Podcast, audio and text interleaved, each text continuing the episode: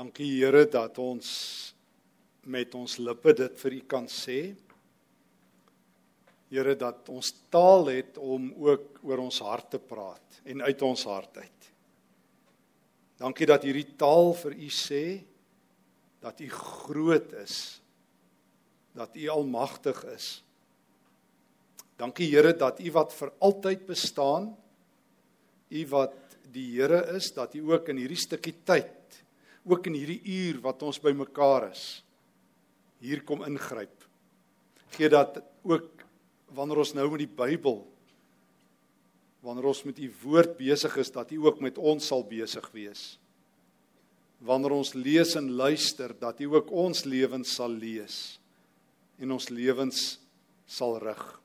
Asseblief Here. Net u kan dit doen en dis tog wat ons wil hê dat moet gebeur dat u ons lewens soos goeie klei vir u sal vorm sodat ons die kinders sal wees wat u hart baie bly maak. Dankie dat ons dit kan bid in die naam van Jesus. Amen. Lukas 17 vanaf vers 11 is volgens ons teksgedeelte wanneer ons met mekaar stil staan oor die tema ook van dankbaarheid en met name dankbare mense buig. Ek kan baie goed onthou wanneer ek my eerste pak slaag gekry het. Ek was skaars gebore of die dokter het my op my boude geslaan en toe sê my ma ek moet dankie sê. Ek onthou dit baie goed. Ek weet nie hoekom nie, maar dit lyk vir my het um, my oorgekom dalk van julle ook. My ma het ons grootgemaak met twee woorde in die huis: asseblief en dankie. En as ons dit nie gebruik het nie, was ons in groter moeilikheid as wat ons geweet het. Ons moes vir alles en elkeen asseblief en dankie sê. En ons het dit ook gedoen. Ek het geleer mens gaan nie teen my ma nie. Sy wen. En toe gaan swat ek teologie en later het ek 'n dosent in teologie geword en toe ek die Bybel begin lees en ook studente moet leer om dit reg te lees, toe kom ek tot my skok agter daar's nie 'n enkele teks in die hele Bybel en met name eintlik in die Nuwe Testament wat sê jy moet vir ander mense dankie sê nie. Het julle dit geweet? Nee wag, daar is daar is, dis nie Lukas 17 nie. Dis hoekom ons dit gaan lees volgens wat my sonnaarskooljuffrou dit verkeerd gehad. Sy het gesê die storie van die 10 melaatses gaan oor dankbaarheid. Dit gaan nie, ons gaan sien. Maar ek dink daar's een ander hoofstuk in die Bybel. Daar's daarom een teks. So hier's vir jou 'n leidraad. Jy kan dit na die tyd by die huis gaan lees. Romeine 16 gaan kyk. Maar daar is nie ander tekste in die Nuwe Testament met name wat sê jy moet vir ander Christene dankie sê en asseblief sê nie. En toe gaan ek na my ma toe, toe sê ek ma het my verkeerd opgevoed. Ek is verkeerd grootgemaak. Die Bybel sê nie ek moet vir mense asseblief en dankie sê nie. Toe sê sy, "Haai my kind," toe sê ek, "Is nou te laat om haai my kind te sê, ma." Maar sien, ek is nou die produk van ma se opvoeding. En sy was vir so 'n week stil en toe het ek vir haar gesê kom ek verduidelik vir ma. Die Bybel is nie teen dankbaarheid nie en die Bybel het dit net anderster uitgedruk. Maar Lukas 17 is 'n aangrypende teks en en tereg het my sonnaskooljuffrou dit gebruik om vir ons iets te probeer leer, maar verkeerdelik dankbaarheid verkeerd verstaan. Kom ons lees dit saam vanaf vers 11. Op sy reis na Jerusalem toe. Nou sommer net 'n stukkie agtergrond want ons moet hierdie teks uitlê sodat dit ons ook kan uitlê. Ehm um, die Lukas Evangelie sal julle weet is 'n groot reisverhaal. Ons het vier evangelies wat verskillend lyk oor dieselfde boodskap. Matteus is die evangelie wat 'n lerende evangelie is wat al Jesus se leringe so mooi in blokke sit. So as jy wil weet wat het Jesus geleer, gaan jy Matteus 5 tot 7, die bergrede, Matteus 10 het jy daar waar Jesus sy disippels uitstuur, Lukas Matteus 13 die gelykenisse van Jesus. Matteus 18 hoe hy oor die kerk of die geloofsgemeenskap dink 24 25 oor die eindtyd. Lukas daarteenoor uh verkies om Jesus se hele aardse verhaal as 'n reis te beskryf. Vier hoofstukke lang geboorteverhaal. Hoofstuk 4 tot 9 is Jesus in um, in Galilea en van hoofstuk 9 tot 19 op die pad Jerusalem toe. En nou lees ons op sy reis na Jerusalem toe, dan weet ons presies waar in die Lukas Evangelie ons is. En hy al met die grens tussen Samaria en Galilea langs gegaan. Net toe hy in 'n sekere dorpie wou binne gaan, kom 10 melaatse mans om te gemoed. En hulle het end ver bly staan. Nou hoekom is dit belangrik? Want melaatse mense in die tyd van die Bybel is onrein. En die reël is, daar's twee dinge wat Jode altyd moet doen. As jy iemand groet, het Jode geweet, as 'n ou so 50 tree ongeveer 40 50 tree van jou af is en en jy kom op die pad op iemand af dan steek 'n Jood sy hand uit sy regterhand in die lug oop so en sê shalom. Vrede. Jood die Hebreëse woord vir vrede shalom. En dan weet jy onmiddellik die persoon is ongewapend want jy dra jou swaard en jou jou lang mes in jou sy of in jou hand. So as jy oop hand het kom jy in vrede. Jou hand wys jou liggaamse taal en jou woorde. Die ander groep mense wat op 50 tree moes uitskree was melaatses.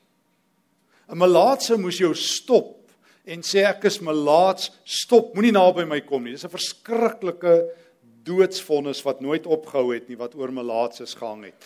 Jy was lewenslank onrein. Jode het nie aan aan siekte gedink soos ons daaraan dink nie. Dis 'n ander storie. Hulle het in terme van reinheid en onreinheid gedink. Ons dink in terme van biologie aan siekte, maar die Jode het aan siekte gedink in terme van as jy rein of onrein. So daarom stop die melaatse soos hulle geleer is en hulle roep uit want hulle het iets van Jesus gehoor. Miskien het die storie van Markus 1 by hulle uitgekom van hoe Jesus daar in Kapernaum een keer toe 'n melaatse na hom toe gekom het al die pad na hom toe gestap het. Jesus het hom gewoon niks gesteer aan die godsdienstige se reëls nie. Trouwens as daar 'n godsdienstige reël was en Jesus was in die omgewing, is dit gebreek en was daar moeilikheid. Dis Jesus. En hy stap na die melaatse toe en onthou julle daar in Markus 1 vers 40 en 41 en dan vra Jesus vir hom, "Wat wil jy hê?" Dan vra hy, "As u my net weer rein kan maak." En dan breek Jesus se hart, letterlik. Daar staan hy diep medelee gehad en hy het hom aangeraak. Miskien was die storie vir hulle bekend. So hulle roep uit uh, vers 13. Jesus, Here, ontferm U oor ons. Maar hulle stop buite Jesus se spasie. Hulle nooi hom nie in hulle spasie in nie. Hulle weet hulle is onrein. Toe hy hulle sien, sê hy: "Gaan wys julle vir die priesters." Nou hoekom? Want onthou, ek het nou gesê siekte is in die eerste plek rein en onrein. Die mense dink nie in biologiese terme nie, hulle dink aan onreinheid. Siekte in die eerste eeu toe Jesus op aarde was, as jy sekere siektes het, is jy onrein.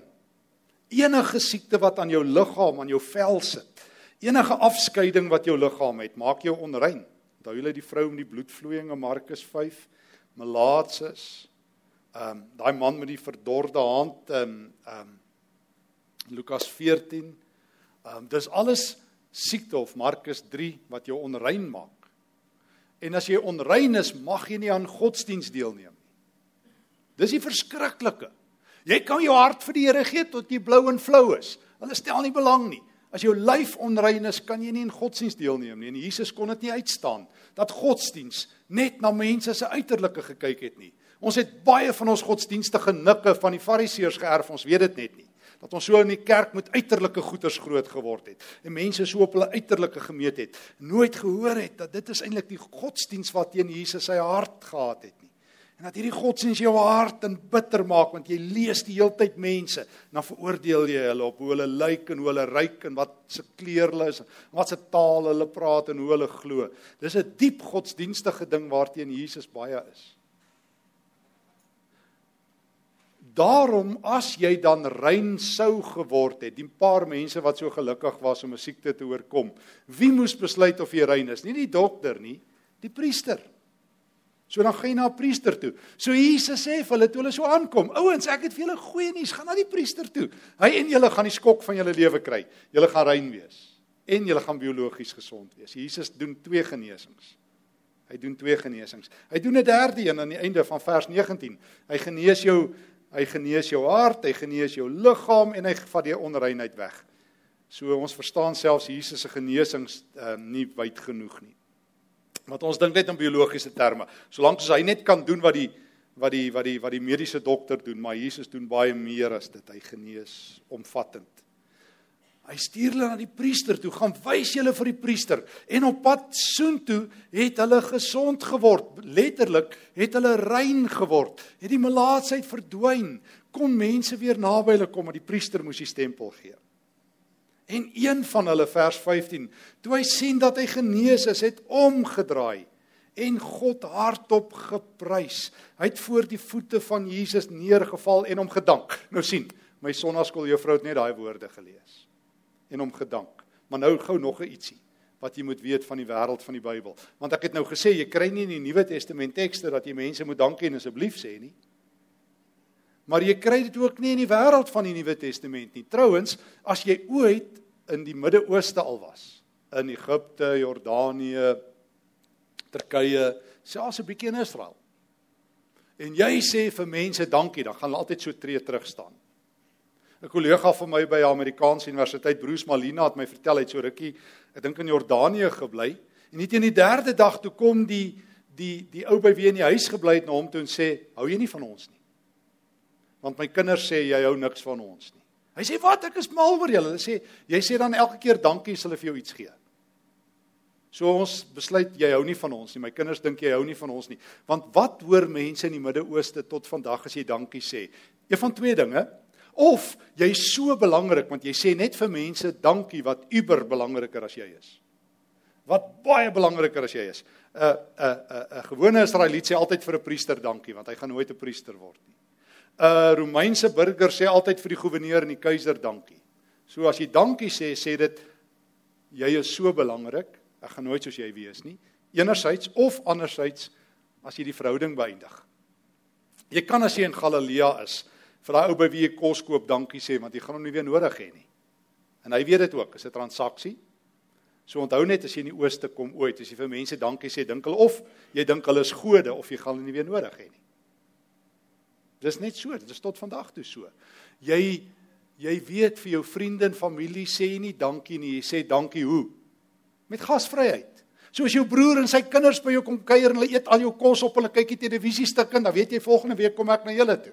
Jy hoef nie dankie te sê nie, jy bewys gasvryheid. En as jy dankie sê, beëindig die verhouding. En as jy in die teenwoordigheid van God is en jy sê nie dankie nie, dan doen jy wat? Dan glo jy nie.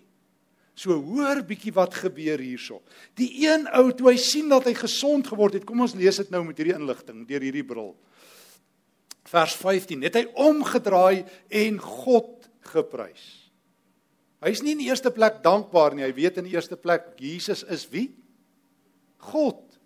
Hierdie teks gaan nie oor dankbaarheid nie, dit gaan oor of jy Jesus as God sien. Dit gaan nie of jy dankbaar is teenoor Jesus nie. Is wanneer jy in Jesus vasloop, jy in die teenwoordigheid van God. En toe hierdie ou sien hy's gesond, toe weet hy ek het kop aan kop in God vasgeloop. God is op straat. God is op die pad. Hy's nie meer na die heilige geboue waar die godsdienstiges hom toesluit en hom gearresteer het onder huisarrest hou nie. God is op straat. Hy's in Samaria, hy's in Galilea, hy's in Jerusalem, hy's in Pretoria. God loop en en as jy in hom vasloop soos Paulus, is dit altyd noodlottig as jy hom reg tref. As jy God reg tref, is altyd 'n noodlottige ongeluk. Onthou jy wat sê Paulus Galasiërs 2? Ek leef nie meer nie. Christus leef in my. Hy het omgedraai. En dis tegnies wat bekering is. Jy het soontoe geloop en nou loop jy terug. Omgedraai en God hardop geprys. Wanneer jy in Jesus vasloop en jy prys hom nie, dan glo jy nie. Dis eenvoudig soos dit. Wanneer jy Jesus so getem het so kamertemperatuur gekry het met ehm um, jou termostaat dat jy hom nie meer loof en prys nie. Gaan jy nooit dankbaar wees nie, want voordat dankbaarheid posvat en dis die punt van hierdie teks, want hierdie teks vat jou na dankbaarheid toe, maar voordat jy dankbaar is, moet jy eers weet wie's God. Anderster gaan dankbaarheid in jou lewe 'n vlietende emosie wees wat saam met die eb en die vloei van Suid-Afrika loop en lyk vir my deesdae vloei alles iewers heen. Maar gaan jy nooit dankbaar wees nie want dan gaan dit net afhanklik wees van jou omstandighede. Maar wanneer jy in God vasloop, wanneer God in jou vasloop op die pad met al jou onreinheid en jy besef dit en jy draai om. Want dis die wonderlike ding wat Jesus doen. Hy vang jou so op die pad. Hy's mos oral. Dis nie soos wat ek groot geword het want ek het ook met hierdie gebou groot geword waar ons God probeer toesluit het en wat ons verklaar het tot die huis van die Here en wat heiliger blykbaar was as ander huise, ek weet nie. En het dit vir my vreemd gewees hierdie God. Ek het nooit eintlik gedink ek gaan God op straat raakloop nie. Want ons moes kerk toe gaan om die Here te hoor. Um En ek het ook gehoor as die ouens evangelisasie doen, ons gaan nou Jesus na die mense toe vat asof ons Jesus so vashou. Dan sê ons Jesus, ons gaan nie nou loslaat, nou kan nie die mense iets meer doen. Maar ons moet eers vat anderster kan nie niks doen nie. Maar Jesus loop en hy's op die straat en die een ou herken hom en hy het voor hom neergeval vers 16 en dan begin hy hom dank. Want as jy in Jesus vasloop, anderster as hy in jou vasloop, as hy jou ontmoet op die straat, gaan jy breek. Nee nee, gaan jy rem en het jy nuwe woorde. Dan moet jy dankie sê. Mense, as jy vir God ken, as jy vanoggend hier sit en jy sê die Here is vir my belangrik en jy dank en loof en prys hom nie. Is daar kanker in jou geloof? Want gelowiges loof God. Maak nie saak of hulle soos Paulus daar in die tronk lê in uh, Handelinge 16 en hulle eie bloed lê nie. Maak nie saak of jy soos aan die einde van jou lewe soos Paulus weer 'n keer in die tronk is nie, want jy weet soos hy vir Timoteus skryf al is ek in ketTINGS. Evangelie is net nooit in ketTINGS nie. Maak nie saak of jy langs groen weivelde loop nie. Altyd 'n rede. Nee nee, jy gaan altyd God loof en prys. Dis die hart van Paulus se teologie. Dis die hart van van van van wat Calvin bedoel het met teologie, dat jy oorloop van dankbaarheid Paulus kan nooit genoeg. Hy begin al sy briewe en dan sê hy dankie vir God. En hier's 'n leidraad. Weet jy hoe sê jy vir ander gelowiges dankie terloops? Hoe sê jy vir ander gelowiges dankie? Jy sê gaan gaan sê dit vir God. Gaan kyk bietjie hoe begin Paulus al sy briewe. Behalwe ehm um, 1 Timoteus en Galasiërs. Ehm um, begin Paulus al sy briewe en dan sê hy kan nie vandat ek hoor het van julle wonderlike dinge wat julle vir die Here doen, kan ek nie ophou om vir God dankie te sê vir julle nie. So weet jy hoe sê jy vir mense dankie? Jy sê kan ek net gou vir die Here dankie sê wat hy in jou lewe doen. Maar ons verstaan dit nie, ons doen dit nooit nie. So ehm um, so as jy wil dankie sê, toe ek nou dit vir my ma sê, ek sê ma so van nou af as ma wil vir my iets leer, dan moet ma eers vir die Here gaan dankie sê en dan kan ma Nee, ekskuus, dis maar net ons kultuur. Ons kan asseblief en dankie sê. So moet dit nie laat val nie. Maar die punt is, die Nuwe Testament sê, jy sê vir God dankie met jou lewe. En as jy iets anders in iemand se lewe raak sien, dan sê jy vir God dankie vir hulle. En terloops is dit 'n baie goeie geestelike dissipline om aan te leer. Paulus het nie soos meeste ouens net gedreig nie. Nou die dag weer sê iemand vir my, 'n mens moet dankbaar wees. Ek sê 'n mens moet, maar jy's nie 'n mens nie, jy's jy. So doen dit. Want ehm um, en iemand anders sê vir my ons moet ons seëninge tel. Ek sê ek het 'n uur tyd. Kom ons tel gou. Kom ons begin. Want hulle dreig jou net altyd. Jy weet ons moet ons seëninge tel. As dit almal so ja, ja, maar gister se rugby. Ja, jy weet en dan daar gaan dit alweer. Ehm um,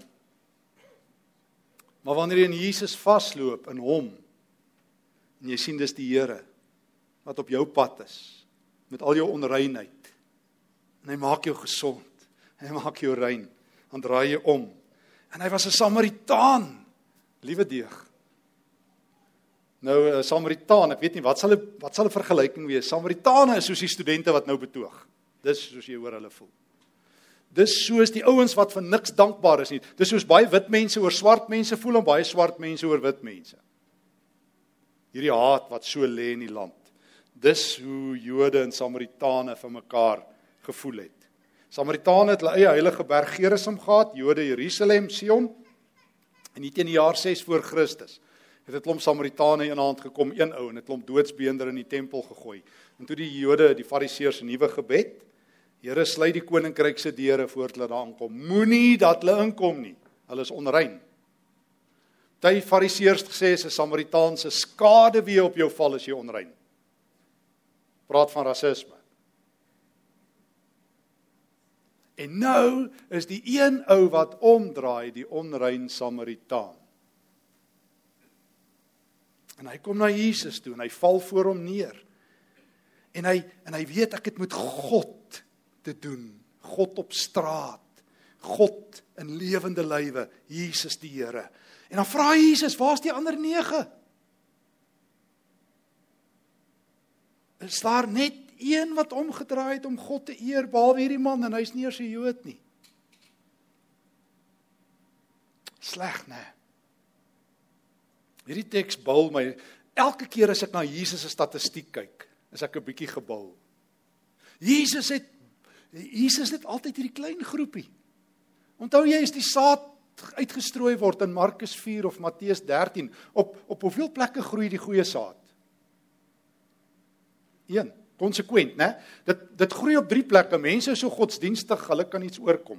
75% mense vat die saad van die evangelie, maar waar bly dit permanent groei? 1 uit 4. Hoeveel mense is deur Jesus aangeraak? 10. Hoeveel sien God? 1. Hier's die goeie nuus van Jesus. Jesus hou van alle mense. Hy's nie soos ons nie. Nee wel, ek laat ek eerlik wees. Ek dink baie van ons hou ook van alle mense, net van party se gesig en van party se rug. Maar maar Jesus hou regtig van alle mense. Of hulle hulle gesig op hom vir hom wys, of hulle hulle rug op hom draai, Jesus gee nie om nie. Hy hou van alle mense. Daarom genees hy ook ondankbare mense. Daarom sê hy ons durf nie soos die fariseërs wees nie. Hulle het net die lief wat hulle liefhet. Hulle doen net goed aan die wat vir hulle goed doen. Jesus is nie soos ons nie. Hy het genees 10 mense, maar die hartseer is is dat waaragtig net een om as God erken. So hier's die ding. Gebeur. Die kans lyk dit vir my statisties as ek met hemelse statistiek werk dat ek waaragtig diep dankbaar gaan wees die res van my lewe omdat ek in Jesus vasgeloop het. Dis 10%. En ek bid dat jy en ek daai 10% sal wees. Want ons sit in 'n land wat ons bid die plek blou en flou, ons trek saam op Soweto en ons sit Sondag in kerke, maar hierdie land sink want godsdiens is nie op straat nie want Jesus is nie op straat nie want ons loop nie die Jesus loop saam en ons doen nie dinge nie. So ons is so godsdienstig maar dit het in hierdie land nul effek Toe ek nou die dag vir 'n paar van my vriende vra en sê kom ons maak gou so 'n groepie dan gaan vat ons bietjie waterval hierdie studente wat so betoog. Sê hulle is ons vyande. Ek sê net maar wat is jou punt? Dink jy nie Jesus gee ook vir hulle om nie? Julle is miskien vir hulle kwaad maar Jesus kan dalk 'n paar red. En dink net jy van daai ons teere vind. Wat kan gebeur? Ek weet wat het gebeur toe Desmond Tutu die Here gevind het. Hy het miljoene mense se lewens verander. Omdat soos ek nou die dag vertel het, laas Saterdag, omdat hy toe een oggend in Sofia Town was en hy en sy ma stap tussen al die riool en al die vuil goed wat daar verbyloop op pad om hulle werk te doen en Trevor Trevor Huddleston die die Anglikaanse leraar by, by hulle verbystap en hy sê hoedlig en hy vir sy ma sê good morning madam. Toe kom Desmond Tutu tot bekering as 'n jong seun. Toe sê ek wil hy Jesus volg waar 'n wit man bereid is om iemand met respek te behandel in 'n land vol apartheid. En waar 'n sê ek ek wil graag in daai Jesus glo. So miskien is dit ons uitdaging. Jesus is op straat. Kans laat preke soos hierdie effek gaan hê is 1 uit 10. Kans laat dit effek gaan hê op ons lewens. So kom ons sê dit vir mekaar. Is daar nie 10 mense gewees wat opgedaag het om God se woord te hoor nie? Wie het omgedraai? en op die pad my kom aanbid. Die ander klomp is net weer na al die godsdienstige priester toe. Nog godsdiens, nog 'n byeenkoms, nog 'n saamtrek. Een ou het omgedraai. Maar hoor net wat sê Jesus vir hom en dis die goeie nuus. Vers 19. Hy sê vir hom: "Staan op. Staan op. Jou geloof het jou gered. Gaan na jou huis toe." Hy kom onrein, hy loop in Jesus vas. Hy loop na die godsdienstige toe. Hy word gesond. Hy sê vergeet die godsdienstiges. Ek het Jesus nodig. En Jesus sê ek stuur jou na jou huis toe as 'n nuwe mens.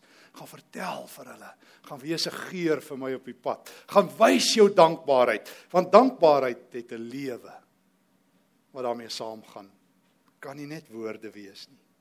Ons kan mekaar nie dwing tot dankbaarheid nie. Ons kan mekaar nie beveel nie. My maat probeer. Ons het dit maar gedoen want dit was goeie maniere. Dis al wat ons gesê het. Ons het minstens goeie maniere gehad. Maar ek moet eerlik wees, ek was regtig nie dankbaar vir die koffie wat ek gekry het by baie huise. Ehm um, geen Christen kan dit gedrink het nie. En my pa het uh, hy het gevlieg, so hy het geglo tee is die groot uitvinding wat daar was. En ek gedink mense drink dit selfverdediging as jy siek is. Maar ek moes dankie sê vir dit ook. So ek het geleer ook vir elke skewe snytjie brood kan ek ook dankie sê. Maar geliefdes, 'n dankbaarheid wanneer jy Jesus as die Here sien, is iets anders. 'n Dankbaarheid waar jy op jou knieë voor hom lê en hy sê jy kan nou opstaan en verder saam met my loop. Mag die Here gee dat ons saam met die Samaritaan en Jesus sal vasloop en ons lewe sal verander. En dat hierdie woord van God nie vrugteloos na jou toe gekom het nie. Amen. Here as u woord val, dan val dit baie keer hard en reguit. Eintlik altyd. Dankie dat u my nie versuur het. Ek moet al my dinge ek moet al my klagtes, ek moet al my ontevredenheid en baie keer bitterheid. Dankie dat u kom om my rein te maak. Rein genoeg sodat ek kan opstaan en loop saam met u. Raak my lippe aan, raak my lewe aan, raak my hart aan opnuut. Het my op 'n pad gesit wat ek elke dag moet loop wat dalk nie vir my lekker is nie, maar as u saamloop, Here, dan is dit moeite werd. Stap saam. Maak my lewe nuut. Vul my met diep dankbaarheid teenoor u. Dankie vir alles wat u vir my gee. Familie, vriende, 'n gemeente, lewe, kos. Dankie dat ek kan uitsien om nou-nou lekker te eet, 'n dag te hê om net 'n klein bietjie tot stilstand te kom. Dankie daarvoor. Dankie dat ek selfs dalk vanmiddag bietjie kan rus en slaap. Dankie vir daai gawes. Dankie vir 'n man, 'n vrou, kinders, kleinkinders, ouers. Dankie vir gemeente. Dankie vir mense rondom my. Dankie Here dat daar soveel mense is wat op u pad loop. Dankie Here. Dat daai 10% die land vol is. Maak dit meer, Here.